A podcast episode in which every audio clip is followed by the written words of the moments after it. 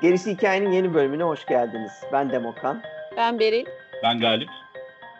Evet bu hafta salgın döneminde karantina altından sizlere ulaşıyoruz. Bu koronavirüs dolayısıyla hepimiz evdeyiz. Evde kalın hashtag ile evimizde otururken dedik ki kayda ara vermeyelim ee, ve bir de internet üzerinden kayıt yapalım. Ondan sonra da bu program böyle olsun. Eğer daha bir süre evimizden çıkamayacaksak o zaman belki de bir süre kayıtlarımızı bu şekilde hallederiz. Programa gelmeden daha doğrusu Skype açmadan önce ellerimizi yıkadık, yüzümüzü yıkadık ve işte evimizden çıkmadan bilgisayar ekranının başında sizinle hazır bu salgın ve virüs konusu da yükselmişken biz de bir salgın filmleri, salgın edebiyatı, korku ve salgın üzerine bir program çekelim dedik. Şimdi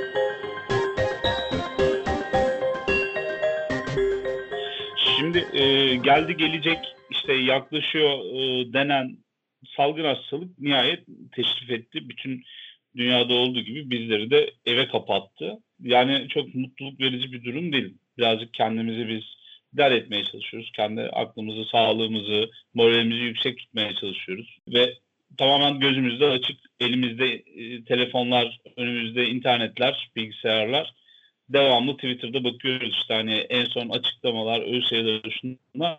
Böyle bir durumda program yapmak da hani birazcık e, şey oluyor nedir adı? Ee, iyi geliyor aslında. Hem kendi rutinimizin dışına çıkmamış oluyoruz. Hem böylece bir şekilde kendi zaviyemizden de bu e, salgın meselesine de bir bakmış oluyoruz. Covid-19 e, bizim neslin şu an e, dünya üzerindeki yaşayan ve 50-55 yaşın altındaki neslin diyeyim artık yetişkinlerin başına gelen böyle felaketlerden bir tanesi oldu. Öyle bütün dünyayı saran bir pandemi de görmüş olduk. Her şeye, her kuşağa nasip olmayacak şeyler bunlar. Ee, kendi payımıza düşeni de ufaktan aldık. Bir haftadır da bütün ekip olarak evdeydik. Evden çekiyoruz zaten bunu da şu an. Benim söyleyeceğim işte hani ölü sayıları da artmaya başlayacak. Belki hepimiz rahatsızlanacağız. Ee, o yüzden peşinden çok geçmiş olsun diyorum herkese ve e, kendinize, sağlığınıza çok dikkat edin. Önerileri ciddiye alın ve kafama göre, kafanıza göre işte hani bana bir şey olmaz, bize bir şey olmaz diyerekten e, şey yapmayın. Sadece kendinizi değil, hem sevdiklerinizi hem sevmediklerinizi bir sürü insanın hayatını tehlikeye atmış olursunuz. E, yapmayın. Oturun. Gerisi hikaye dinleyin. 150-160 saatlik, 170 saatlik program var. İlla ki ilginizi çekecek bir şey vardır. Kendinizi kitaplara verin, podcastlere verin. Birazcık bir, bir hafta 10 gün bir sakin kendinizle baş başa kalın. Çünkü zaten yapacak bir şey yok. Yani ben evden çalışan bir insanım. Benim işlerim olduğu gibi aynen devam ediyor. Ama şu an yapacak daha daha iyi bir şey yok. Demokra'nın yeni kitabı çıktı. Aslında onun da anonsunu yapmak da lazım ama alabilecekler mi Demokrat? Yani kargo ile gönderilebiliyor mu şu an? Ne oluyor? Evet evet internet üzerinden satış başladı. Alabilirler yani. Oğlak yayınlarından öykü kitabı çıktı. Yeni Ölümlüler, Deliler, Yalnızlar adında alın öykü okuyun arkadaşlar. Ondan sonra zaten konuşulmayan daha okumayanlar var aranızda biliyorum. Ee, on... çekiyor, içtimaya çekiyor. ondan sonra Pusava'yı Pusava'yı okumayanlar olduğunu biliyorum. Ee, Kara Kara Kapkara'yı, Ayaz'ı, Anadolu korku öykülerini okumayan olmayabilir. Onu, ona hepiniz okumuş olabilirsiniz. Yani bunları tamamen satış rakamlarına göre söylüyorum ama Pusova'yı, Kara Kara Kapkara, Ayaz, kar, e, Konuşulmayan ve Ölümlüler, Deliler, Yalnızlar bu yeni çıktı ama o eskileri okumadığınızı hepinizin biliyorum. Lütfen hepiniz okuyun bize biraz destek olmuş olursunuz. Sözlü yapacak. yani bir haftadır evden dışarı adımımı atmadım. Belki de geçmiştir. Tam olarak emin değilim yani. En son yok yok geçmiştir bir haftayı. Bir haftayı hmm. geçmiştir. Ama en azından şey yapıyordum hani bir market, market değil yani mecburen markete gideceğim yani bir şey alabilmek için e, eksikleri alabilmek için. İşte geçen hafta en son gittim daha da gitmedim. Ondan sonra dışarı çıkmadım. Eşim çalışıyor. O işte bir şey o istediğin zaman ben getiririm sen çıkma diyor. Ama tabii bugün mecburen çıkacağım. Mecbur e, yapmam gereken şeyler var. O da artık maskeli ve eldivenli çıkacağım. Hem kendimi hem de başkalarını tehlikeye atmamak için. Çünkü yani kendimizi düşünürken çevremizdekileri de düşünmenin büyük önemi var.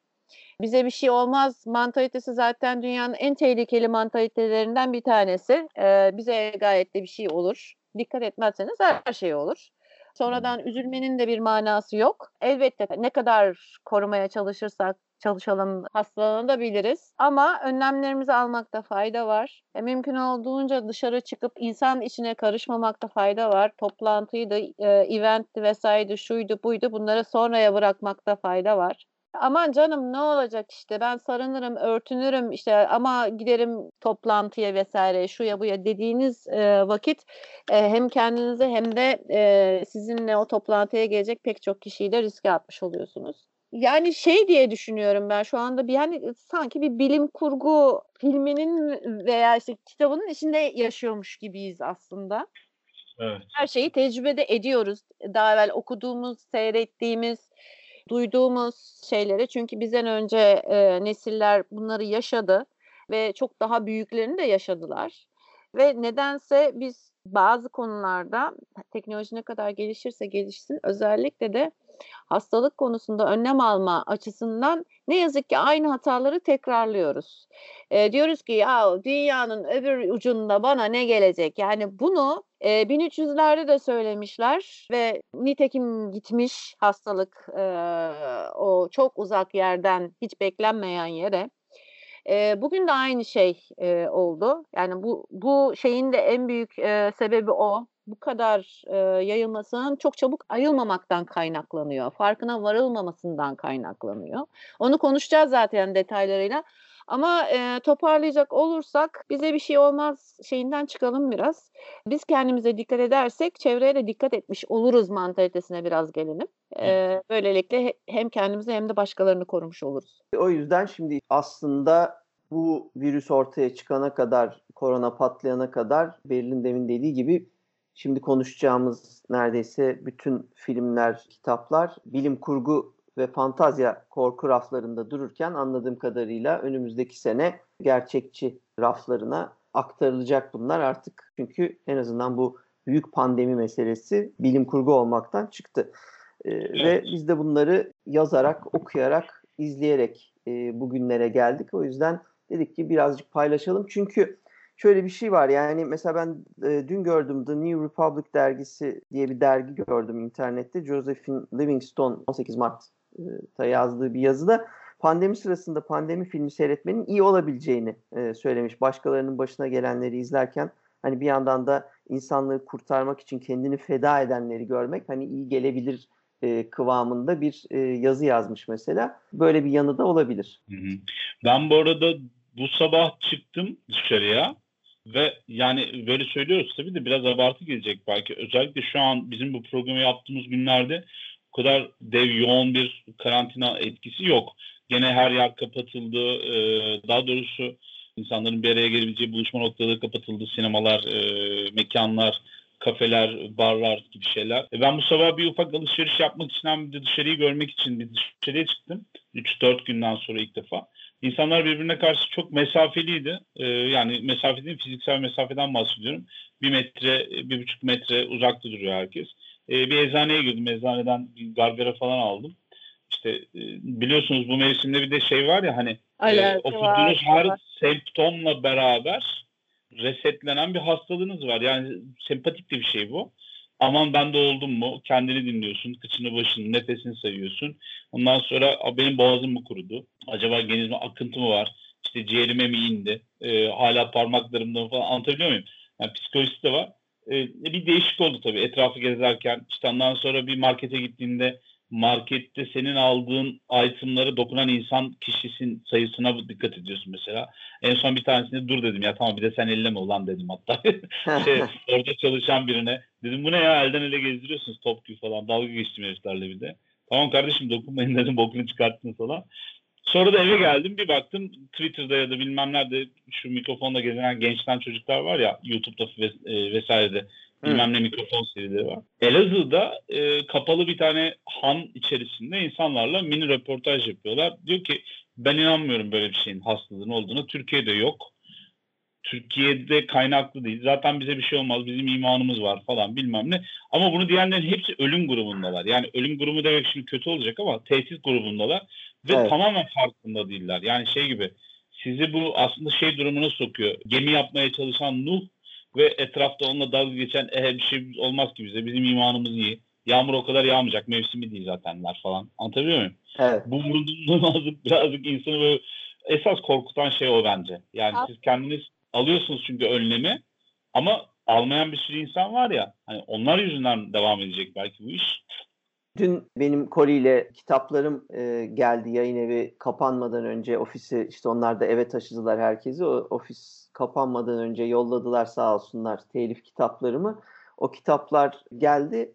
Açıkçası işte normalde o koliyi alıp açmak büyük bir heyecan, büyük bir coşku filan. E, önce kapının önünde kargocuyu poşeti bıraktırdım. O poşeti elinden bırak. Yavaş yavaş geri geri uzaklaş buradan kıvamında. Sonra kolonyalı dezenfektanlar vesaireler e, poşet temizlendi. Sonra poşetin içinden çıkan yumuşak işte o çıtırtılı pıtırtılı poşet şeyler zarar görmesin kağıtlar diye. Onlar yırtıldı, onlar temizlendi. Onlar ayrı bir poşetle çöpe atıldıktan sonra kitaplar teker teker sabunlu su şeyle e, sabunlu nemli bezle temizlendikten sonra ancak ben oh kitaplarım gelmiş deme şansını buldum. Böyle 10 dakikalık bir süreç yaşandı yani sevinmeden önce. Biz şimdi burada garip olanlar, huylu olanlar, cins olanlar olarak görünebiliriz. Görünelim sorun değil. Yani çünkü bu iş şimdi konuşacağımız bu bütün külliyatta demin şaka gibi geliyor belki insanlara ama demin dediğim gibi önümüzdeki sene bilim kurgudan, korkudan gerçekçi raflarına geçecek olan hikayeler var bunların arasında. Herkes sadece zombi hikayesi anlatmıyor. Yani o yüzeydeki hikayede zaten tek şey değil. O zombi filmleri dahil olmak üzere salgın filmlerinde anlatılan konular birer metafordur. O metaforları iyi okursanız, dikkat ederseniz kendinize hem kendiniz sağlıklı kalırsınız hem de tehdit grubundaki büyüklerinize zarar vermemiş olursunuz. Bir girelim bakalım pandemi konularına, salgın konularına. Şimdi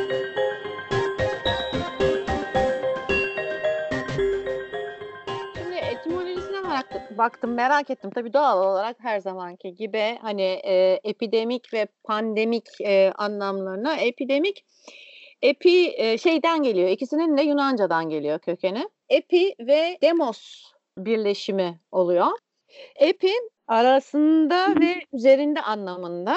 Demos da zaten insan anlamında. Böylelikle insanların arasında yani insanlara e, yayılan bunu ama hastalık olarak kullanılıyor bu. Hı hı. Ve buradan işte Orta Çağ Latincesine geçiyor epidemiya olarak ve daha sonra da günümüze kadar geliyor. Pandemik ise Pan zaten gene Yunanca anlamı hepsi demek. Demos insanlar e, oluyor. Yine pandemos'tan geliyor ve bütün insanlar olarak yani bütün insanlara yayılan veya bulaşan hastalıktan e, bahsediliyor. Şimdi epidemikle pandemik arasındaki fark birinin daha spesifik bir yaygınlığı, yaygınlıktan bahsetmesi, yani insanların arasında üzerinde görünen bir şeyden bahsetmesi. Pandemik ise bütün insanları tehdit altına alan ve büyük bölgelere yayılan, uluslar arasına e, taşan salgınları ifade etmesi. İnsanın başlangıcından beri muhakkak vardır e, ama tabii bunun bir kayıt altına alınması gerekiyor. Bizim de rastladığımız İsa'dan önce e, 430-426 arası Atina vebası denilen bir salgın var. Hı hı. Bu da Pelopone Savaşı esnasında Atinalı askerlerin arasında başlıyor ve daha sonra da şehir nüfusuna e, yayılıyor ve şehrin çeyreğini götürüyor. Hı hı. Ve bunun bu başlangıçla birlikte e, biz tarih içinde pek çok büyük salgın görüyoruz. Ki bunların bir kısmı e, çok bilinen zaten bizim işte kara ölüm dediğimiz, işte e, sarı humma dediğimiz. Hı hı. E, bunun gibi pek çok şey var. İşte çiçek hastalığı. Evet su çiçeği, çiçek hastalığı e, gibi, kolera gibi, tifus gibi.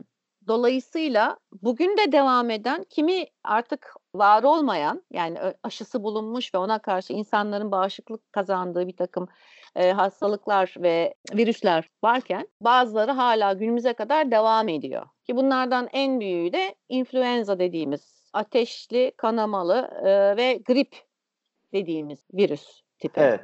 Bunlardan yani bu salgınlardan aslında en çok e, popülasyonu epey düşüreni Spanish flu yani İspanyol gribi e, tarih içindeki en ölümcül virüslerden bir tanesi sayılıyor.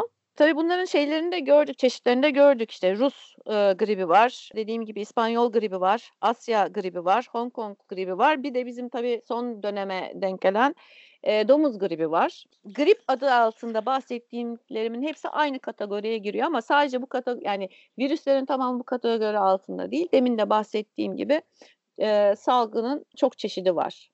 Yani bu virüs olabiliyor, bakteri olabiliyor. Ve işte bunun üzerine pek çok e, bu sanata da yansımış. Ben özellikle konu üzerine çok iyi filmler olduğunu düşünüyorum ve bu dönemde oturup ben de Josephine Livingstone'la aynı düşünüyor olabilirim. Yani sıkılmak yerine ya da kendimize dertlenmek yerine işte kaliteli filmler seyrederek bir yere gelebilir konu. Şimdi matrak tarafı yıllarca korkuyu, e, bilim kurguyu edebiyattan, sanattan saymayan pek çok arkadaşı ben bugün e, Migros'larda hoarding peşinde böyle hani kilolarca şeker, tuz, un filan almaya çalışırken gözlemliyorum. E, ne oluyor? Çünkü filmlere, kitaplara bakıyorlar. Orada yapılması gereken şeyler vardır. E, bunlardan bir tanesi de stoktur filmde. Allah herkes stok yüklenmeye çalışır. E, ama eğer filmlerin bütününü hatırlarlarsa genelde o stoklayanlar yani ha evet e, bu işi çözebilenler olmayacaktı. Bunu da dikkat etmek gerekir.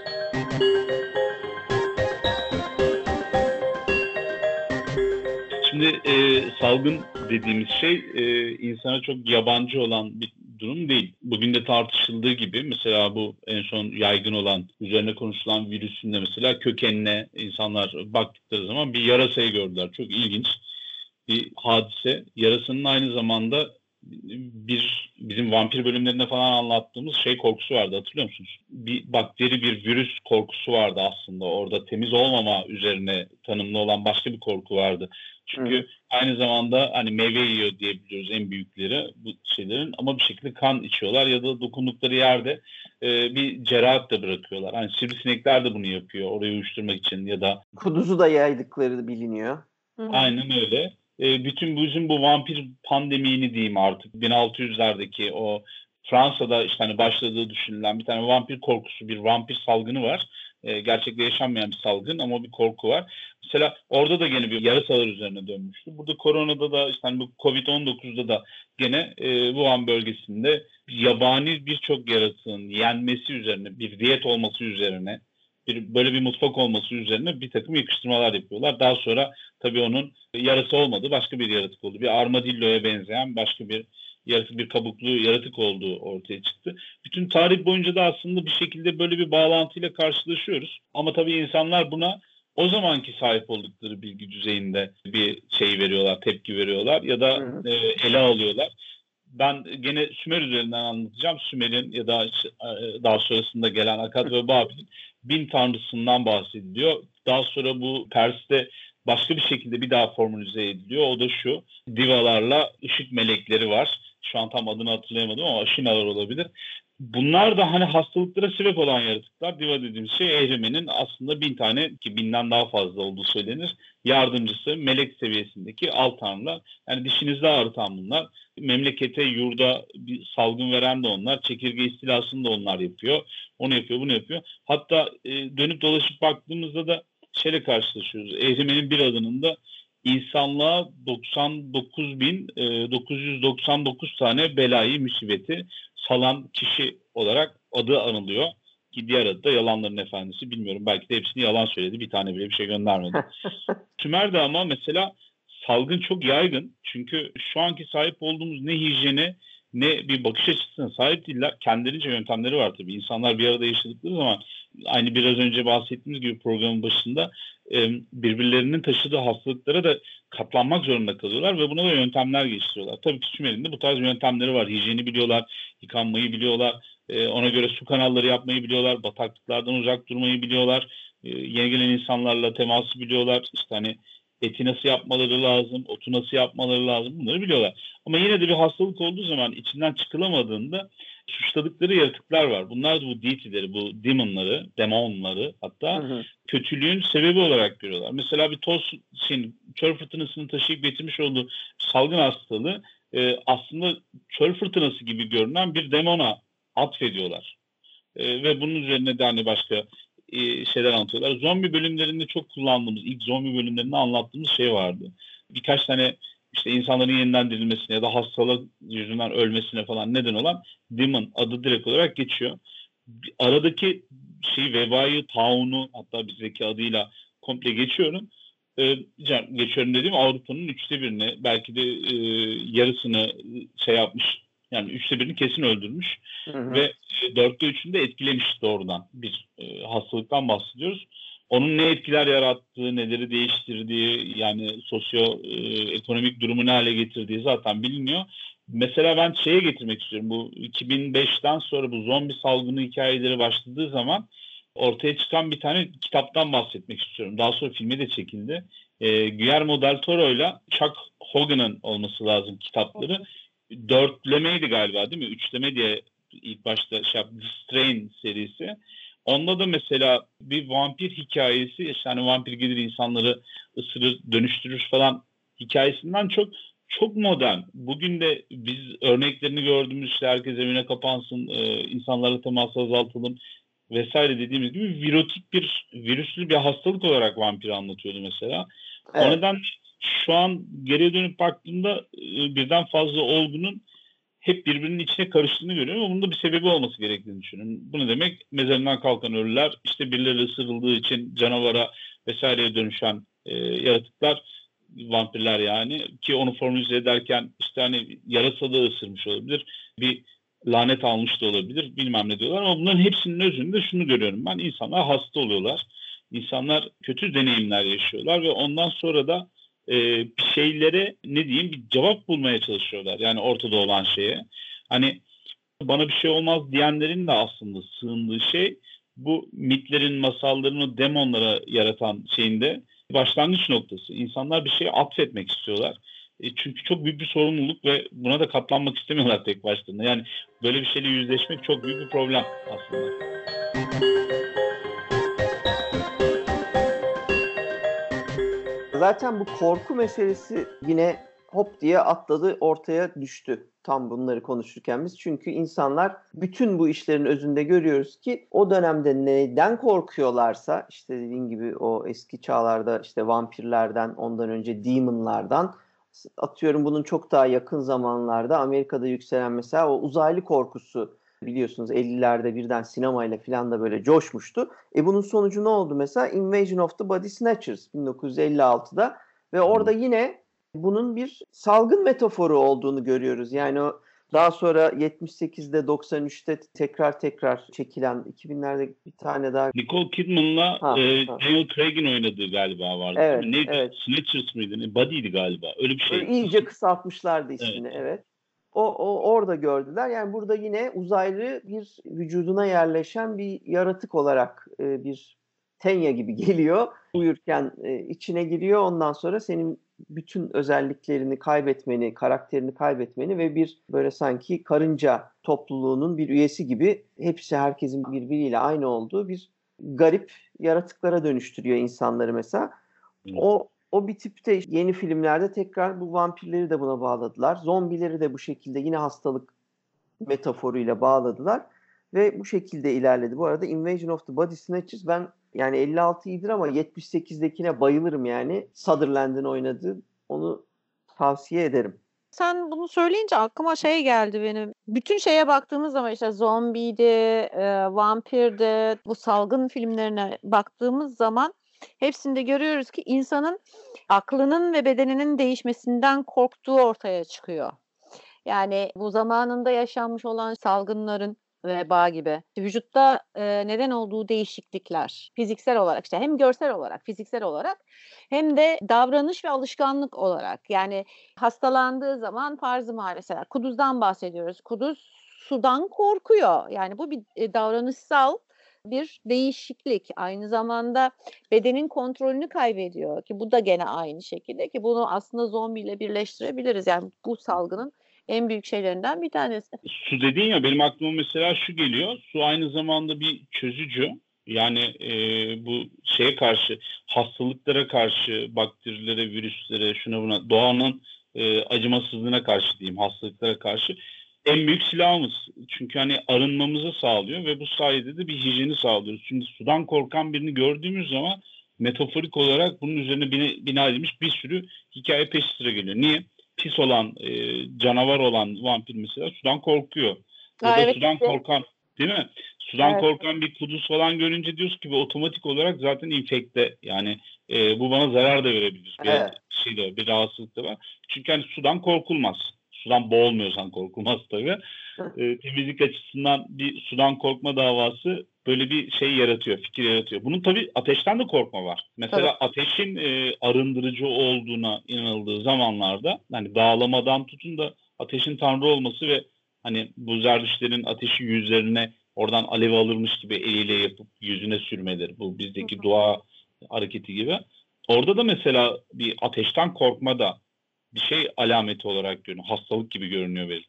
Evet. Bir de şey de var yani bütün bunların ötesinde e, bizim Anadolu'da da var mesela. Anadolu'da da e, derler ki yani su her şeyi temizler ve kötü olan zaten yani kötü olan işte ciniydi vesairesi şu su sudan korkar.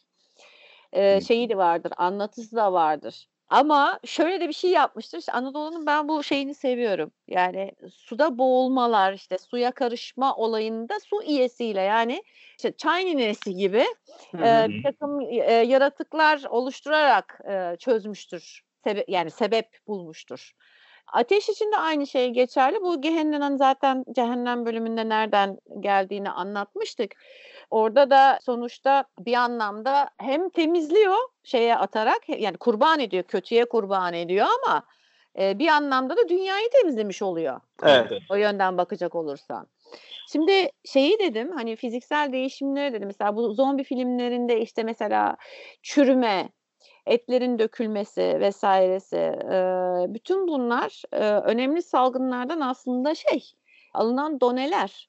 Doğru. yani mesela vebadaki o kararma, işte ne bileyim morluklar vesaireler. Mesela cüzzam gibi.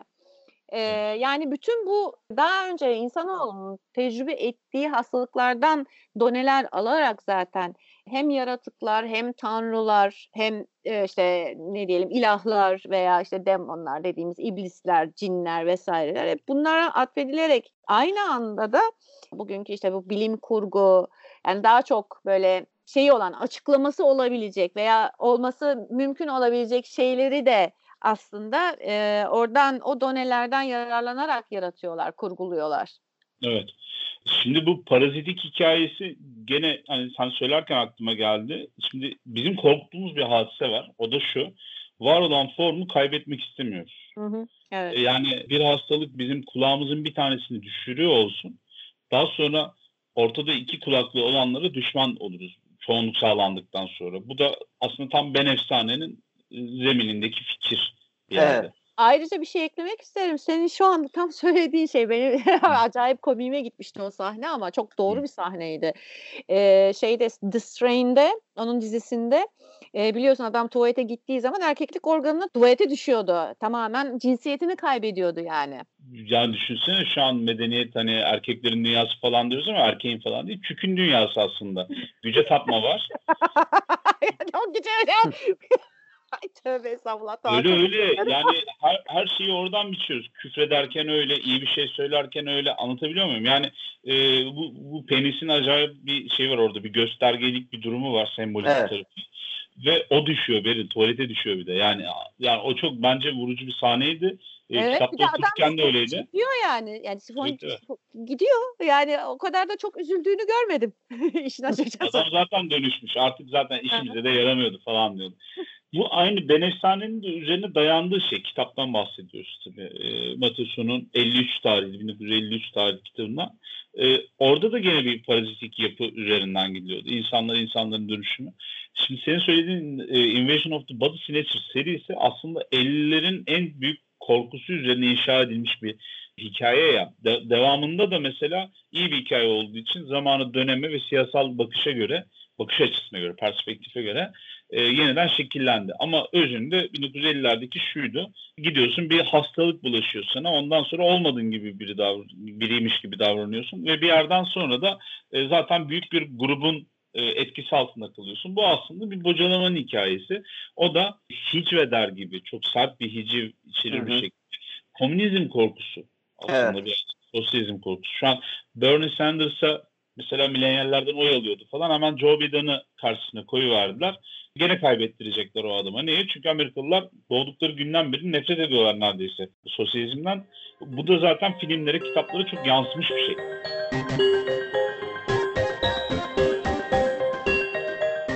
Mesela e, Stephen King'in Stand'ın haricinde iki tane daha kitabı vardır.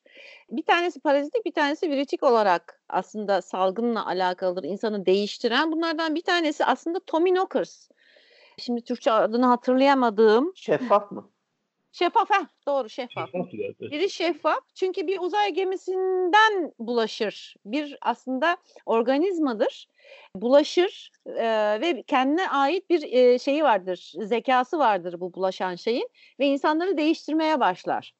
Evet. E, hemen ardından Dreamcatchers vardır. Ha, Düş tamam, Kapanı. ya, Düş kapanı. Ben orijinalini okuduğum için e, kusura bakmayın arada bir e, sadece şey yani orijinal ismini verebiliyorum. Şeyde de e, Düş kapanında da mesela parazitik bir şey e, söz konusuydu. Gene uzaylı bir parazitik salgından bahsediyoruz. Orada da mesela baharat gibi bir şey salgılıyordu. Mantar gibi bir şey ama e, spor spor salgılıyordu Evet. hatta hatırlarsanız. Evet bir de Ben Efsane deyince filmleri de var Ben Efsane'nin biliyorsunuzdur ama yani o da yine aynı mantıkla ilerler ama hani ben son filmi o kadar tutmam. İlk film çok iyidir. The Last Man on Earth 1964. Ee, Vincent Price başrolünde oynar. Orada zaten biz bir bir adet dünyada kalmış bilim adamı tek başına bu dünyaya yayılan insanları vampir mi zombi mi ne olduğu tam anlaşılamayan yaratıklara çeviren o virüsün çaresini bulmaya evde kendi laboratuvarını eve kurmuş.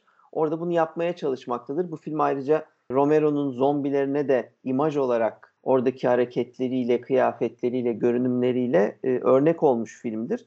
Ondan sonra şeyde de çok önemli bir nokta tartışılır. Bir sonraki 71'deki The Omega Man'de Charlton Heston'ın oynadığı versiyonda orada şeyler çok daha bilinçlidir dışarıdakiler. Kendilerine böyle aile, the family filan demektedirler. Omega Man yine işte Charlton Heston e, bu apartmanında kurduğu laboratuvarında bu virüsün problemi çözmeye çalışır ve bunu doğal olarak hani bilimi kullanarak yapar.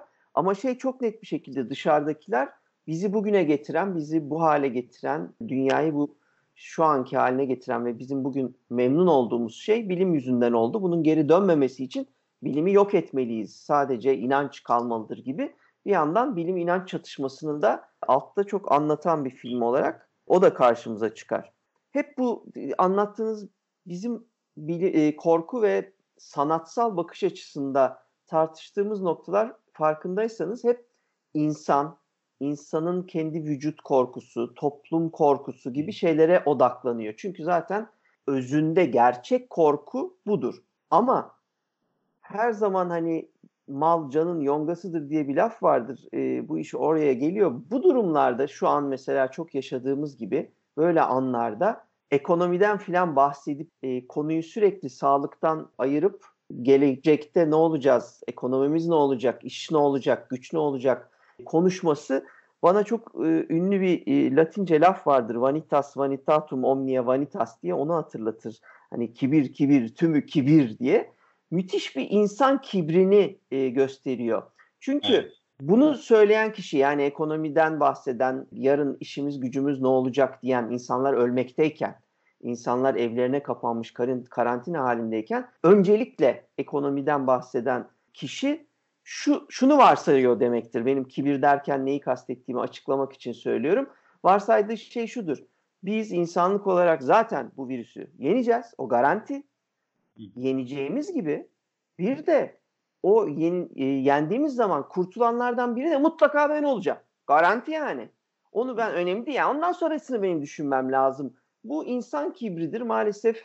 Yani sorunlu bir şeydir. Önce hayatımızı kurtarmalıyız. Önce yaşayacak mısın, kalacak mısın, gidecek misin? Sen ölmeyeceksen bile ananı, babanı, dedeni, teyzeni, neneni kurtarabilecek misin? Onlara bir şey olursa sendeki yansımaları ne olacak? Bunları düşünmektense diğerlerini konuşmak e, müthiş sorunlu buluyorum. Nüfus kalmazsa ekonomi denen bir şey de olmaz. Yani, yani artık orada... yoktur yani. Ekonomi ancak işte hayatta kalan birkaç kişinin e, yiyecek yetiştirmek için çareler araması demek. Yani o kadar. Ee, evet şey e, bu bana şeyi de hatırlatıyor. Tam karşılaştırma yapmak için e, şunu da söyleyeyim. Bu çok alakalı bir şey değil ama Maymunlar Cehennemi'nin o yeni filmi var. Yani yeni derken 2001'deki iki, iki, ilk remake'i e, vardı mesela. Ben onu bu kibiri, insan kibrini orada çok net görmüştüm. O filmin finalinde çok net görmüştüm. E, maymunların birebir insan medeniyetinin aynısını kurduklarını gösteren bir finali vardı. Film çok kötüydü zaten. Boş verin izlemeyin. Sonunu söylememin bir önemi yok bu filmin. İzleyecekseniz eskisini izleyin. Ama yani orada şeyi görüyorduk. Maymunlar bayağı Washington'ı kurmuşlar. Anıt aynı, arabalar aynı. Aynı düşünsenize evrimleşiyor maymun. O aynı insan maymun vücuduyla kalıyor. Ama taş binalarda yaşıyor. Fotoğraf makineleri kullanıyor. Araba kullanıyor. Ya kardeşim o eğer dünya o şekilde evrimleşseydi belki çok daha ormanlı bir dünya hayal etmeniz gerekiyordu. Bu kolaya kaçıştır.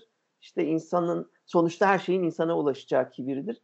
O da çok e, bence kötü bir bakış açısı. Onu hani belirteyim istedim.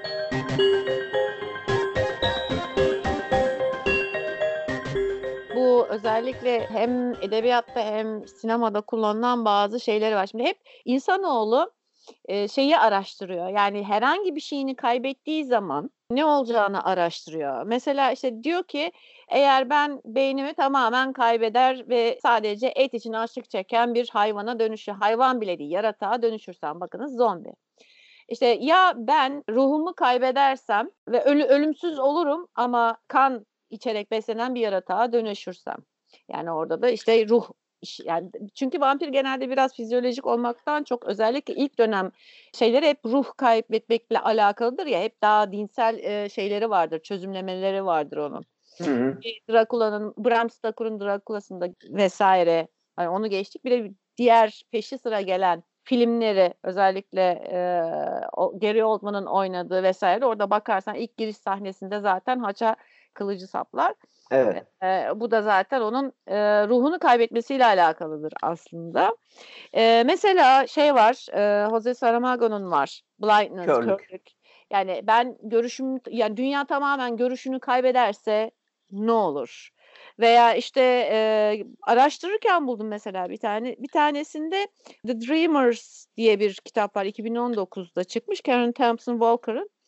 E, bu da uykuya dalıyorlar insanlar. Uykuya dalmaya başlıyorlar. Yani uykuda yaşamaya başlıyorlar ve uyanmıyorlar. Tabii bir süre sonra doğal olarak ölecekler. Benim ilgimi çekti bu özellikle. Yani konuşmayı unutursan veya sessiz durmak zorunda kalırsan veya bakmamak zorunda kalırsan işte Bird Box gibi Josh Malerman'ın. Evet. Bir e, unutmadan söyleyeyim Blindness'ın 2008'deki filmi de çok iyidir. Yani roman tabii ki ayrı bir yerde. Bence onu ayırıp bakmak lazım. Hani romanla karşılaştırmaksızın kendi başına bir iş başarmıştır. Çok başarılı bir filmdir ve o şey duygusunu çok iyi verir. Yani o salgın duygusunu. Aynı zamanda da tıpkı şeydeki gibi Das eksperimentteki gibi bir yere kapatılmış insanların e, eğer tepelerinden işte büyük güç giderse kendi aralarındaki güç savaşı belki biraz da Lord of the Flies'ı hatırlatacak bir havası vardır. Yani hani belirli bir grup içeride gücü ele geçirir ve ortaya çıkarır bu çatışmayı. Bir de söylediğin o teker teker kaybetmeyle ilgili Perfect Sense diye bir film var. Onu ben o filmi de çok beğeniyorum. Onu da tavsiye edebilirim. Orada da teker teker insan duyularını e, kaybetmeye başlıyor dünya çapında insanlar. Önce koku alma duyularını kaybediyorlar. Ama bundan önce de fiziksel bir şey oluyor işte. Önce bir böyle hüzüne kapılıyorlar. Ağlama, zırlama, e, mutsuzluk filan. E, böyle anlık bir kriz onun ardından birden e, koku alma duyusunu insanlar kaybediyor ve bu bütün dünyaya yayılıyor. Ardından e, aradan biraz vakit geçtikten sonra işte tat alma duygusunu kaybediyor gibi bu şekilde ilerliyor hikaye. Çok güzel anlatır o duyguyu. Bir, bir tane benim çok yani bana çok ilgi çekici geldi. Bir tane var mesela The Book of M diye Pank Shepard'ın 2018'de çıkmış. Bunda gölgen kayboluyor ve gölgen kaybolduğu zaman yavaş yavaş hatıraların da kayboluyor ve bu hmm. bulaşıcı bir şey. Yani bu, bu mesela hani Bird Box işte e, benim e, hoşuma gitmişti fikir. Evet. E, bu da çok hoşuma gitti. Yani gölgeni kaybetmek e, aslında biraz tabii ki fantastik ama sonuç olarak biz şimdi yani spekülatif kurgudan da bahsettiğimiz için yani sadece outbreak veya işte salgındı vesaire üzerine yazılan kurguları değil, gerçekçi kurguları değil, aynı zamanda spekülatif kurgulardan da bahsediyoruz. Yani bu mesela şey var, 2017 The Fireman var Joe Hill'in, o da kendiliğinden yanan in- insanları konu almış mesela. Hı hı. Bu da değişik bir şey.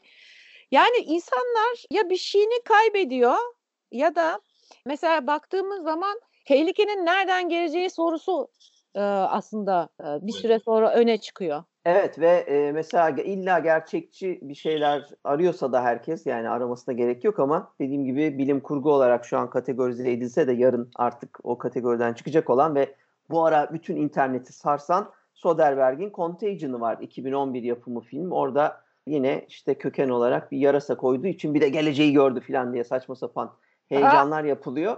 Ama mesela Soderbergh'in böyle ayakları yere basan en sağlam işlerinden bir tanesi Contagion. Ben tavsiye ederim izlenmesini. Çünkü hem güzel anlatıyor mikropların buluş, bulaşma şeklini. Bugün artık hepimizin öğrendiği o yüzümüze dokunma meselesini e, açıkça konuşan bir film.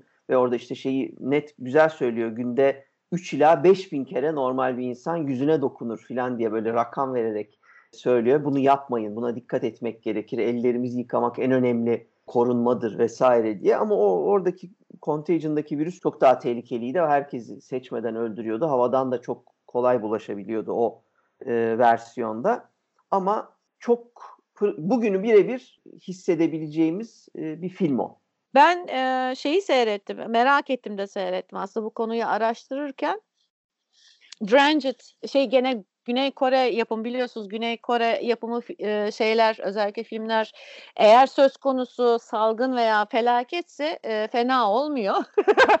ben de bunu seyrettim ve çok hoşuma gitti. Bunun da sebebi tamamen çekirgeye musallat olan fakat genetiği değiştirilmiş e, bir paraziti e, alarak. Çünkü filmin esas orijinal adı Yongasi ki bu da işte parazitin adı. Bir şey solucan şey yapıyor çekirgenin içine e, yerleşiyor. Çekirgeyi beslenmeye zorluyor ve bir süre sonra çekirgeyi suya götürüp orada boğulmasına sebep oluyor ve suya yumurtalarını bırakıyor ta ki bir sonraki çekirge sürüsü gelip orada e, oradan beslenene kadar. Şimdi bunu değiştirmişler e, işte ilaç firmaları Alzheimer hastalığı için beyni etki eden bir parazit olduğu için değiştiriyorlar ilaç firması Alzheimer'a şey olur diye e, kür olur diye fakat kapanınca araştırma kapanınca bunlar da kızıyor madem öyle biz de ilaç satmaya yöneliriz diye bunun etkilerini tam olarak kestiremeden şeye salıyorlar. Suya mı? E, yani suya salıyorlar işte ve bir süre sonra bu tabii konakçılar şey ilk konakçılar köpek e, köpeklerden, köpekler suda boğulduğu için zaten suya geçiyor. Orada işte kamp yapan vesaire ailelere geçiyor ve bunlar ilk önce çok fazla yemek yemeye ardından da deli gibi su içmeye başlıyorlar. Su Hı-hı. içmek en son hevesi. En sonunda da suda suya gitmek istiyorlar ve girip boğuluyorlar. Ve evet. yumurta tekrar o solucanlar çıkıp tekrar yumurta bırakıyorlar ve böyle acayip bir şey. İnsandan insana geçmiyor. Fakat su olayı tamamen. Burada benim en çok ilgimi çeken şeyin şu oldu. Yani tabii ki işi tamamen şeye bağlıyor. İlaç firmalarının yapmış olduğu bir oyun olarak işte bir e, komple teorisi olarak çıkıyor ama yani bunu bir solcanı bu şekilde hani kullanabilmeleri şey olarak sinemasal açıdan kullanabilmeleri hı hı. ve şey yapmaları benim çok hoşuma gitti. Çünkü daha sonra bunun etkisi başka bir yerde daha var. Onu da ileride konuşacağız. O da Kingdom. Kingdom'da evet. da aslında bunun bir benzeri var. Evet bir de şey Güney Kore dediğin için e, şunu da bahsedeyim. Bir de adı dolaşan bir film daha var. Güney Kore'nin Flu 2013 yılında çekilen Hı. o e, Flu'su var. Çok e, ilginç geldi bana Flu. Çünkü şimdi bizim bazen e, konuştuğumuz bir hikayenin anlatılmasının birkaç doğru ve güzel belirlenmiş yolu var. Onlardan bir tanesi de işte dramatik yapının içinde yani başta belirli bir süre içinde bir çatışma oluşturursun. Ondan sonra kahramanımız yani bir yerdedir. Sonra gittikçe değişmesi için başına bir olay gelir. Sonra daha büyük bir olay gelir ve gittikçe bu olayları büyütmek formül anlamında iyidir. Daha büyük bir olay, daha büyük bir olay, daha büyük bir olay. İşte en büyük değişimin olacağı çok büyük bir olay ve ondan sonra bağlarız, bitiririz. Bu Amerikan sinemasının zaten Hollywood'un çok kullandığı, iyi kullanıldığında da insanları her zaman etkileyen kaliteli bir sonuç veren bir iştir. Fakat Flu izledim ben. Yani eğer bunu abartırsan bu büyütme meselesini ne kadar acayip bir yere gidip hani kendini kaybedebileceğini gösteren bir film olmuş. Yani kardeşim bir noktadan sonra artık yani her şey olaylar o kadar büyürken odak noktası kahramanlarımıza o kadar böyle ufalıyor gidiyor ki bir tane küçük kız kalabalıkların içinde koştururken ülkenin başkanı ofis odasındaki işte kameradan kızı görüp aha bu kız bu kızı kurtarın falan diyecek kadar böyle abartılı acayip yani inanılması pek mümkün olmayan noktalara giden bir şeye dönüşmüş. Yani bunu abartmamakta fayda var. Film seyirlik bir film ama bence hani formülü doğru kullandığını zannederken kendini kaptırmış gitmiş acayip bir iş olmuş.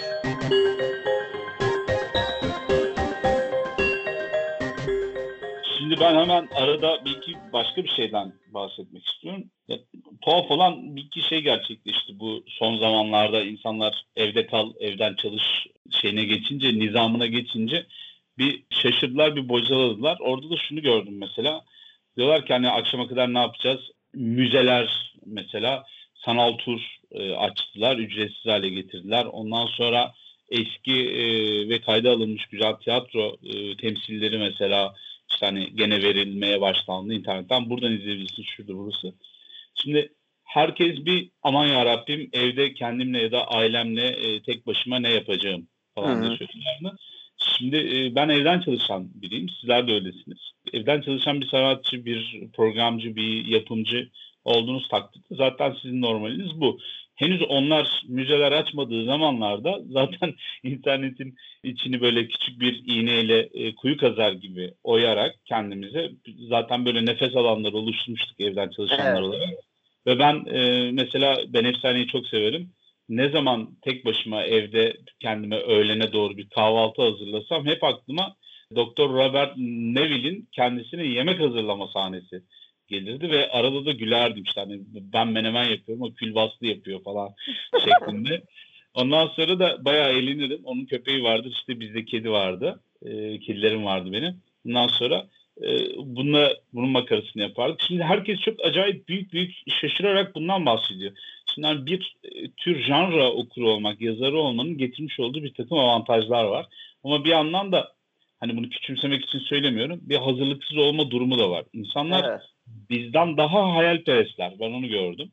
Mesela yani olaylara yaklaşımları vesaireleri hiç kesinlikle olgun değil. Yani e, sorsan hani hayalperest bizdik. E, gerçek dünyayla bağımız yoktu falan gibi. Bundan Şimdi bu kitaplar basılıyor mesela bugün insanlar korkuyor. Öyküsü kitabı yazdıkları zaman bir yayın evine götürdükleri zaman e, hadi bir deneyelim diyor yayıncılar. Ama bundan 10 sene evvel falan götürdüğünüzde ben Anadolu Korku'yu götürdüğümde ya da kendi başka eserlerimizde çok iyi biliyorum. Balici muamelesi yapıyorlardı bize. Gerçek dünyada hiçbir şeyimiz yok. yazıyor diye. e, aynen öyle. Yani hiç kafa komple gitmiş bunların. Ne yapıyor bunlar falan. Ve anlattığımız şeyler de arkadaşlar okudunuz zaten e, bizim dinleyicilerimiz de biliyorum ben Anadolu Korku'yu falan okuduklarını. Evet. Öyle uçan kaçan e, çok masalsı mitolojik bilmem ne falan hikayeler de değildi. Bizim kendimize ait bir tarzımız, bir karanlık bir bakış açımız, bir perspektifimiz var. Ona istinaden yazıyoruz. Aşk da yazsak böyle yazıyoruz, korku da yazsak, polisiye, dedektif de hep böyleyiz ama bizim değişmedi. Şimdi dönüp baktığında insanlar bir şeyle karşılaştılar. Mesela evde kaldıkları zaman ne yapacaklarını bilmiyorlar tamam mı? Ama biz biliyoruz. Çok net bir şekilde. Bizim dinlediğimiz YouTube kanallarını, izlediğimiz Balkan düğünlerini falan görseler akıllarını yitirecekler. Çünkü yani 15 gün evde kalamadı insanlar. Evet. Biz şey yapıyoruz. Yaklaşık bir 9 yıldır falan evden çalışıyorum ben. Gelecekleri yer ne? Şimdi bir de gördüğüm başka bir komiklik de şu oldu. Son birkaç yıldır inanılmaz derecede bir şey var. Büyük de bir savaş veriliyor. Yani e, resmen Atatürk'ün hattı müdafaa yoktur, hattı müdafaa vardır diye hani e, orduyu küçük parçalara bölüp inanılmaz sert bir e, direnç göstermesi gibi büyük taarruzda bilim dışı olan ve insanların sağlığıyla alakalı yorumlar ortaya koyan ya da işte homeopati gibi şeyli nedir adı üfürükçülüğü yeni Hı-hı. bir boyaya şey yapıp suya sokup çıkartıp böyle boyaya sokup çıkartıp yeni insanları pazarlayanlara karşı verilen bir savaş var. Yok yalansa var. Biz yeri geldiğinde gerisi hikaye olarak biz de diyoruz mesela. Biz bunu yazıyoruz ama bilim diye bir şey var, gerçekler diye bir şey var, hayat diye bir şey var, e, kurmaca diye bir şey var. Saçmalamayın insanları kullanılmayın kendiniz falan. Zarar görmeyin diye. Şimdi mesela o mücadelenin geldiği son nokta bence bu salgın anı. Evet. Şu an biz hepimiz evliyiz. Ortada bir tane homeopati şeyi yok, uzmanı yok. Arada çıkıyor konuşuyor ama işte bilmem nerede makale okudum diyor. Okuduğu makale bilim insanlarının yapmış oldukları klinik deneyler üzerinden şekillenmiş bir fikir. O evet. E hani suya okuyordunuz, geçiyordu. Ondan sonra e, şeye iyi davranıyordunuz çiçeğe. Onun sayesinde bir etkileşim, bir titreşim alıyordunuz. Yok evrene enerji gönderiyordunuz, o da size iade ediyordu bir şeyleri. İşte arada farklar var tabii. O fark, Ay çünkü o arada faizini alıyor. Diyor ki bizden geçti diyor. Yol parası alıyor anladın mı? Evet e, şey aşı karşıtları falan sustu bak şimdi. Ben hızla aşıyı bekliyor hepsini. Yani aşıyı bulsa ağzına değil e, verisine evet, evet. insanlar var. Ne olacak? Olarak, evet. Atlayacak hani aşının. Şimdi bu bakın bu, bu, bu, bu önemli. Neden dersiniz? Çünkü ortada siyasi bir fikir var, bir duruş var aslında. Şu an benim bu söylediğim de bir siyaseten e, ele alınmış bir söylem. Çünkü e, eğer hayatın içindeyseniz ve bir şeylere maruz kalıyorsanız bir fikriniz oluyor ve kaçınılmaz olarak da bir yerden sonra siyasi oluyor bu. Yani bu siyaset dediğimiz şey bu kadar kirli konuşulmayan ö, tüy kaka falan bir şey değil. 80 sonrasında biz yetiştirilirken apolitik yapmaya çalıştılar biz ölmeyelim diye. Çünkü 80'lerden evvel 70'lerde çok ciddi e, politik silahlı çatışmalar vardı. İnsanlar da bezmişlerdi. Şu an siyaset konuşmanın bir sıkıntısı yok. Ama mesela şimdi ele alınan, anlatılan hikayelerin, filmlerin şeylerine baktığımız zaman hep bir ortada bir siyasi bir bakış açısı görüyoruz. Mesela her şeyin hayvandan geçtiğine dair bir bakış açısı var ve bu hayvanlar da nedense hep egzotik adlandırılan Afrika'dan, e, Uzak Doğu'dan, Çin'den, Maçin'den falan geliyor. Şimdi e, ben 1990'ların ortasında Outbreak vardı. Dustin Hoffman oynuyordu galiba evet. hatırlıyor musunuz? Evet. O çok önemli bir salgın filmiydi mesela. Yani dalga geçmeyen bir salgın filmiydi bir yerin kapatılması, karantinaya alınması falan çok net anlatılıyordu. Oradaki bakış açısı bile çok fazla Amerikan şahiniydi. Anlatabiliyor muyum? Orada da bir tane maymun kaçırılmış gelmiş. Herkes iyi, maymun da iyi ama virüsü var. İşte Afrika'dan geldiği için varoluşsal itibarla bir sıkıntısı var gibi gösteriyorlardı insanlar. Bu da çok siyasi bir bakış açısıydı. İşte ama bir yandan da mesela Walking Dead izliyorsun insandan soğursun. Ee, direkt şeyi görüyorsun Walking Dead'in ilk bölümünden itibaren verilen bir tane var. Orada zombiler ya da hani insanlıktan çıkmış olanlar, vücutları deforme olmuş olanlar hep insan. Kimse zombiden o kadar korkmuyor. Niye? Çünkü 3. bölümde anlıyorsun ki zombi hatta ilk bölümde zombiyi kafadan vurursan bir şey yapmıyor. Koşarak da gelmiyor da üstüne. 28 evet. gün sonra gibi de değil. Ondan sonra neyle uğraşıyorsun? İnsanlarla uğraşıyorsun. Geçen gün Twitter'da birisi yazmış. Çok güzel bir sözdü. O da iyi bir alıntıydı. Kim olduğunu hatırlamıyorum şimdi e, diyor ki hani bugün diyor yasak olduğu halde ya da olmaması gerektiği halde camilere giden diyor insanlar diyor. Hani kalabalıklara karışan. Ondan sonra Migros'lardan işte hani süpermarketlerden gidip böyle hani tuvalet kağıdından temizlik şeyine kadar hijyen malzemelerin hepsini böyle kucak kucak alan insanların evet. hepsi Walking Dead senaryosundaki kapışacağınız insanlar. Yani orada kötü olarak gördüğünüz kişiler var ya dizide. Birbirini öldürenler, hatta çoluğunu çocuğunu yiyenler. Evet. Biliyor musun? Bayağı bildiğiniz kebap yapıp yiyorlar yani. Diyorlar Terminus'ta falan var. O insanlar aslında şu an yan komşunuz seviyesinde. Evet. Mesela bu da siyasi bir bakış. Bir yandan doğru. yanlış da diyemiyoruz anladın mı? Çünkü gözünün önünde gerçekleşiyor. O nedenle bu salgın hikayesinin yaratmış olduğu kocaman bir artı var. Evet Galip'in belirttiği şeyleri hemen e, altını çizeyim. 28 gün sonradan bahsetti bir kere. Mutlaka izlenmesi gereken bence yapılmış yani daha hala kimsenin 2000 sonrası yapılmış en iyi zombi filmidir ve bütün anlatıyı değiştirmiştir. Bütün yani hem virüs hikayelerini hem zombi hikayelerini değiştirmiş. Enfes bir iştir. 28 gün sonra Danny Boyle'ın e, filmi onu mutlaka izleyin. Kesinlikle şeyi de gösteriyor çünkü çok net bir e, salgın e, hikayesi aynı zamanda insanların o şehirden yok oluşlarını çok güzel e, ifade eder.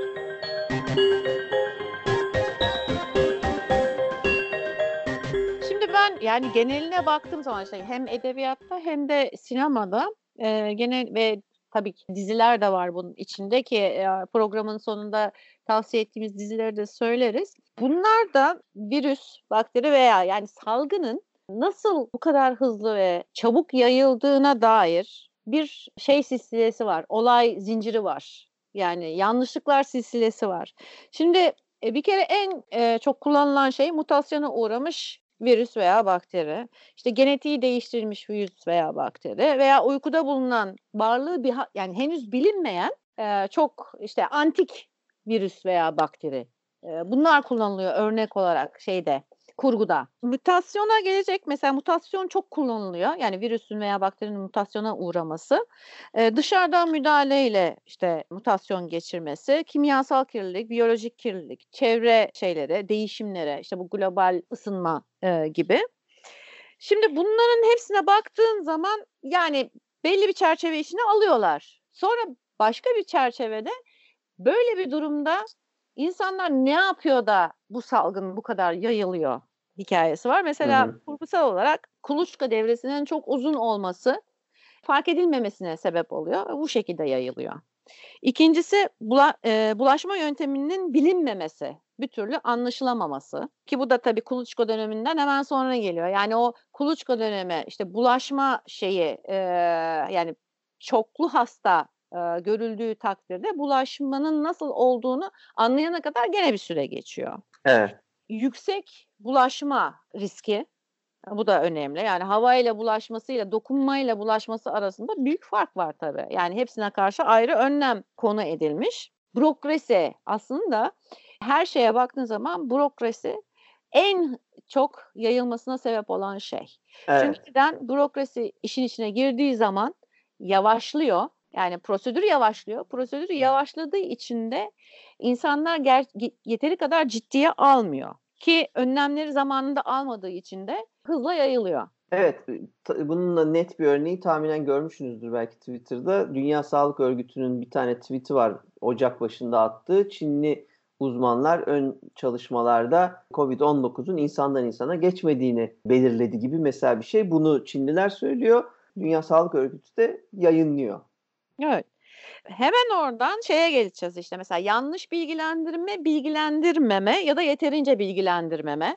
Hı hı. İşin örtbas edilmesi bu tür şeyler de yayılmasına sebep oluyor. Çünkü bilgi sakladıkları için yani bilgi bilgi saklandığı takdirde e, halk bunu ciddiye almıyor. Senin verdiğin örnek gibi insandan insana bulaşmıyor dediğin zaman ne yapacak adam? O olaylayla istediğim gibi çıkarım nasıl olsa diye düşünecek. Evet. O yüzden bilinçlendirilmemesi de bununla birlikte geliyor. Yani bilgilendirmiyorsun aynı zamanda bilinçlendirmiyorsun. Yani ne yapması gerektiği konusunda uyarmıyorsun. Ha, bununla ilgili o demin bahsettiğim şeye bir fluya bir döneceğim. Mesela orada şey ilginçti. Bir yandan e, Güney Kore'nin iç ve dış ilişkilerine dair aslında bir böyle bir politik, bu bürokratik meseleleri de ucundan değiniyordu. O açıdan ilginçti. Yani mesela orada bir garip başbakan ve başkan ilişkisi vardı. Başkanın söylediklerine rağmen onu önemsemeyip kendi başına hareket eden başbakan aynı zamanda hiçbirini işte doktorları asla önemsemeyip kendi başına hareket eden vali ve hatta filmin işte o en abartılı son sahnelerine geldiğimizde e, Dünya Sağlık Örgütü'nden diyorlar ama aslında belli ki CIA ajanı olan bir Amerikalı var orada. Amerika ile Kore arasındaki bazı anlaşmaları öne sürerek Kore'nin bir şehrine bombardıman emri veren bir CIA ajanı falan görüyoruz. Böyle bir başkanın, e, Kore başkanının çaresiz kaldığı gibi görünen. Sonra olaylar tabii değişiyor. Öyle olmadığı ortaya çıkıyor ama böyle fantastik de mesela bir bürokrasinin zirve yaptığı yani dediğim gibi biraz olay çok abarmıştı Flu'da ama öyle sahneler vardı. Ee, gerçek hayatta da abardığı dönemler olabiliyor tabii. Karantinanın delinmesi, tabii sen bilinçlendirmediği için karantina deliniyor. Yani karantinaya alsan dahi e, insanlar senin dediğin gibi kibir veya bencillik işte her şekilde kendini kurtarma içgüdüsü ile e, karantinayı delebiliyor ve deldiği zaman sadece kendini değil çevresindekileri de tehlikeye atıyor. Bir de coğrafi farkındalığın gelişmemesi. Yani şu, sen kendi toplumunu ve kendi coğrafyanı bileceksin. Sen bir yerde e, salgın başladığı zaman onun nerelere kadar ulaşabileceğini bileceksin. Buna göre önlem alacaksın. Coğrafi farkında yani farkındalık olmadığı için Hı-hı. ve e, ne tabiatı ne toplumu yeterince tanımadığın için geç önlem alabiliyorsun. Yani önlem aldığın önlem de işe yaramıyor belli evet. bir noktadan sonra. Global önlem yani e, bunu global olarak takip eden işte WHO gibi sağlık örgütleri vesaireler var ama demek ki bunların alarm şeyi seviyesi yeterli değil. Çünkü neden? Her ülkenin kendine ait yani şeyi olması lazım mesela. O ihtiyaç çıkıyor kurgulardan anlaşıldığı kadarıyla. Yani bir e, şey gibi Amerika'daki bu Amber şey Amber Alarm vardır ya bir çocuk kaybolduğu zaman her yere anında ilanlar e, gider vesaireler gider. Yani böyle bir e, şey sistemi, uyarı sistemi olması lazım. Yani global bir uyarı sistemi olmadığı için global felaketlerde çabuk hareket edilemiyor. Bürokratik olarak saklıyor. Benim bu kadar hastam var demiyor.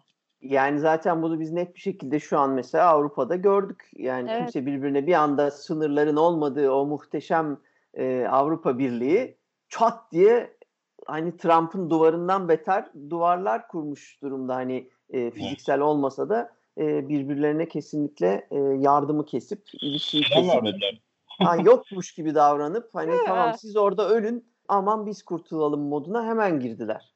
Bir de tecritin gecikmesi diye bir durum var. Yani e, en nihayetinde en son geldiğimiz nokta tecrit ki e, ne yazık ki bunda çok gecikiliyor. Mesela şu anda bizim ülkemizde de aslında tamam işte okullar kapandı, işte alışveriş merkezleri kapandı vesaire vesaire.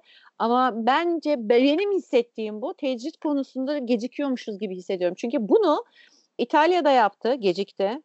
E, aynı şekilde Avrupa'nın bütün ülkeleri gecikti o ayrı mesele. Hatta biliyorsun bazı Avrupa'da işte baka, başbakanlar çıkıp işte bir ne olacak ölenler ölsün geri kalanlar bizimdir diyenler de var da. Evet. Ama yani tecrit çok önemli. Tecritin çok hızlı şekilde belki de ilk şey yapıldığı yani ilk fark edildiği anda Çin'in o bölgesinde tecrit çok sıkı olmuş olsaydı bu kadar yayılmayacaktı. Yani ne ülkeye yayılacaktı ne de dünyaya yayılacaktı.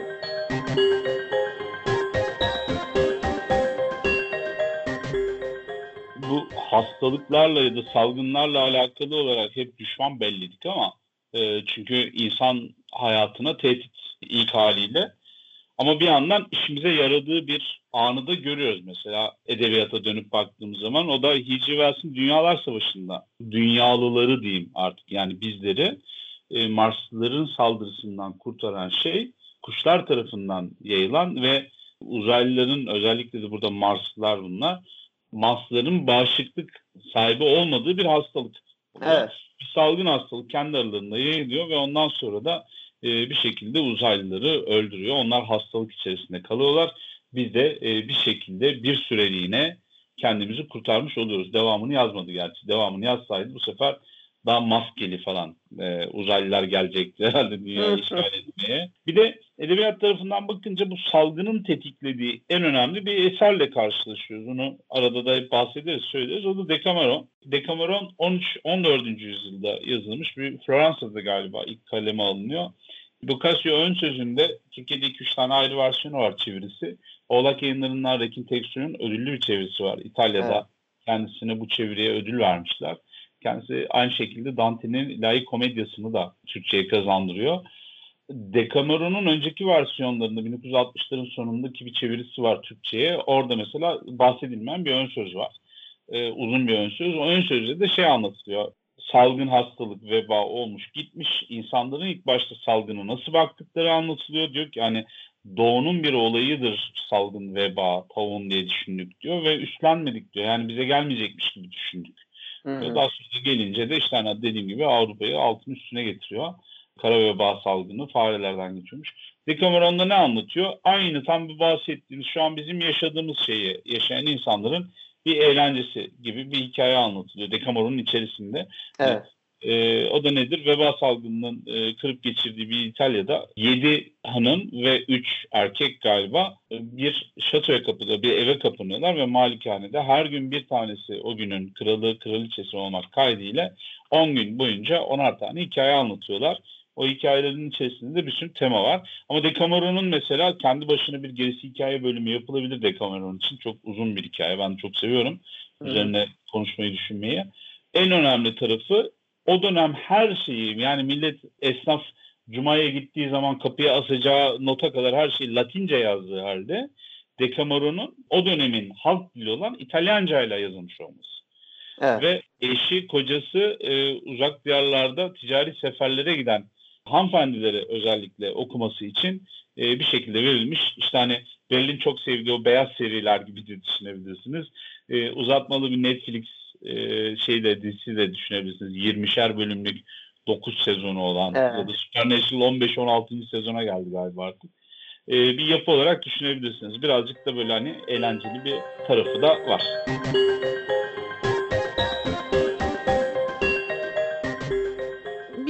tane dizi sayayım. Madem evdeyiz seyretmek isterseniz diye bir kere Kingdom'ı kesinlikle tavsiye ederiz e, Güney Kore yapımı e, bir zombi dizisi. Bu sezon konuştuk. E, bilgi almak isterseniz seyrettikten sonra yalnız programı dinleyin. Bayağı spoilerımız var. Bunun haricinde The Strain'in dizisi e, gayet güzel.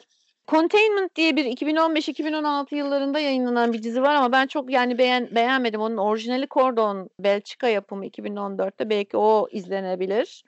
Jeremiah var 2002-2004 arasında e, yayınlanan o da ben sevmiştim güzel bir dizi. Bunun haricinde Resident Evil serisi mesela film olarak evet. e, seyredilebilir. O da hoştur. Bir de The Rain var 2018 yapımı. O da oldukça ilginç. Bu sefer salgınımız yağmurla geliyor. Ee, ilginizi çekecek olursa Netflix'te 2020 Pandemik diye bir documentary var. Yani bir belgesel var. Bu da nasıl salgını önleriz e, temalı bir belgesel. Evet. Kitap tavsiyelerini burada söyleyeyim. Zaten bir iki tane söyledik. Kaynaklara ben eklerim kitap tavsiyelerini. O da yeterli olur zannedersem. Evet, filmlerden ben de şu şey söylenmesi gereken bence işte böyle mutlaka rahat rahat izleyebileceğimiz ve rahat rahat derken korku filmi tabii ki rahat izliyorsanız. o ayrı da yani kaliteli film izlemek isterseniz bir Rek vardır. İspanyol yapımı 2007 yılında e, yapılan bir apartmanın içinde bir salgın durumu olur ve işte çok güzel hem e, buluntu kayıt filmi olması açısından önemlidir. Hem salgın hem bir çeşit zombi filmi olması açısından her şeyin doğru yapıldığı filmlerden biridir. 2008'de hemen Amerikalılar Quarantine diye, karantina diye e, çektiler. Bir remake'ini yaptılar ama Rek'i tavsiye ederim bulursanız onu izleyin. Pontypool diye bir acayip bir film var. Bir radyo istasyonunda geçiyor olay. 2008 yılında çekilen bir film. O onu izleyebiliriz. Orada iyi bir gerilim algısı var. Çünkü biz orada çok değindiğimiz dehşet vahşet meselesini e, görüyoruz. Biz burada dehşeti yaşıyoruz. Çünkü şeyden ayrılmıyoruz. E, salgın dışarıda acayip şeyler oluyor. Ama biz radyo istasyonunun içinde sadece duyuyoruz. Görmüyoruz bir şeyleri falan. O açıdan önemli bir örnek. Bu bir de Cronenberg bölümümüzde uzun uzun konuşmuştuk. E, açıp Cronenberg'i de dinleyin dinlemediyseniz. Orada geçen işte hem Shivers vardır 75'te hem de Rabbit vardır 77'de. E, bunların ikisi de salgın filmidir aslında. Yani tamam Shivers biraz daha e, bir parazit filmi e, aslında. Rabbit de biraz daha doğaüstü olsa da hani koltuk altı vampiri diyebileceğimiz çok acayip bir e, oluşum. Bu tanımı bekliyordum koltuk altı vampiri. Hiç olmadık yerlerden çıkıyorsun abi diye. evet. E, yani işte bizim demin bütününde konuştuğumuz e, insanların ben buna inanıyorum ki bilim kurgu korkuyu kötülüğe kötülüğe kötülüğe gelenlerin hepsi şu anda yani gelecek sene itibariyle hepsi bilim kurgucu, hepsi korkucu olacaklar. Bu anlattığımız filmler gerçekçi filmlere dönüştüğü için Hani evet. o şakşakçılığı ben keyifle izleyeceğimi düşünüyorum. Kimse kabullenmeyecek olsa da bunu. Benim bir hüzünlü bulduğum bir şey gerçekleşti. Tesadüf diyeyim. O da şu. Pusova'nın son öyküsü Gezinti'de ben çok eğlenerek e, biraz da fırlamalık olsun diye e, bir hikaye yazmıştım. Yani daha doğrusu öyle bir dünya kurgulamıştım. Anlattığım şeyler de hiciv olsun diye değildi. Yani o dünyanın gerekleri öyleydi. Bir post apokaliptik bir İstanbul'un içerisinde bir genç bir yaşlı insan erkek bir arabanın içerisindeler geziyorlar. İşte hani yer altında olanlar, yer üstünde olanlar vesaire diye. Hikayeyi kurgularken de şey demiştim. E, bir dünya savaşı oluyor. Üçüncü Dünya Savaşı. E, ve onun üzerine de hayatta kalanlar, o savaşta hayatta kalanlar ölmüyor. Ölümsüz oluyorlar dedim. Ve bunlar da yaşlanıyorlar tamam. Ama onlardan sonra doğanların hepsi de çok genç oluyorlar. Dedim 35 yaşın üstünü görmüyorlar. Yani o doğanların e, salgını oluyor ve bu yüzden de ölüyorlar. Ölmek durumunda kalıyorlar falan.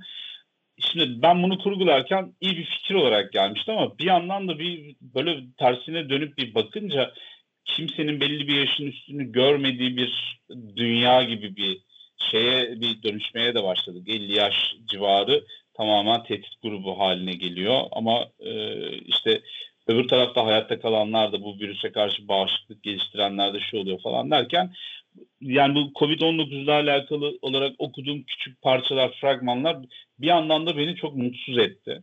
Yani böyle bir şey düşünmüş olmak ilk başta yazarken çok da fırlama bir öyküdür. Yani ben de severim o öyküdeki mizahı. Ee, ilk başta tatmin ediciyken en sonunda yahu ben niye böyle şeyler düşünüyorum falan diye bir, bir ufaktan kendi adıma da kendime de bir, e, üzüldüm. Pusova'da bir öykü daha vardı. Gavur ve Piç. Onda da benzer bir salgın hikayesi vardı. Ya biz bunların hepsini bir başka dünya üzerinden kurgulayarak, hayal ederek e, anlatmıştık. Şimdi bununla yüz yüze olduğumuz zaman inanılmaz çarpıcı geliyor bana sorarsan.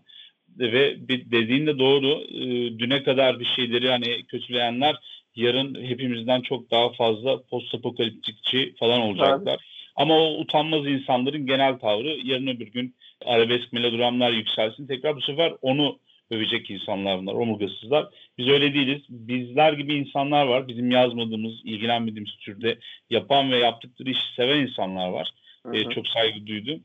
Mesela onlara ben kendimi şey yaparak akıl sağlığımı koruyorum diyeyim ya da kızmamı durduruyorum, önlüyorum yani daha fazla kızmayayım bu insanları diğer oynak tiplere diye. Onu da bir yere geldiğinde bir söylemek istedim. Çünkü önümüzdeki yıl herkes şey yapacak.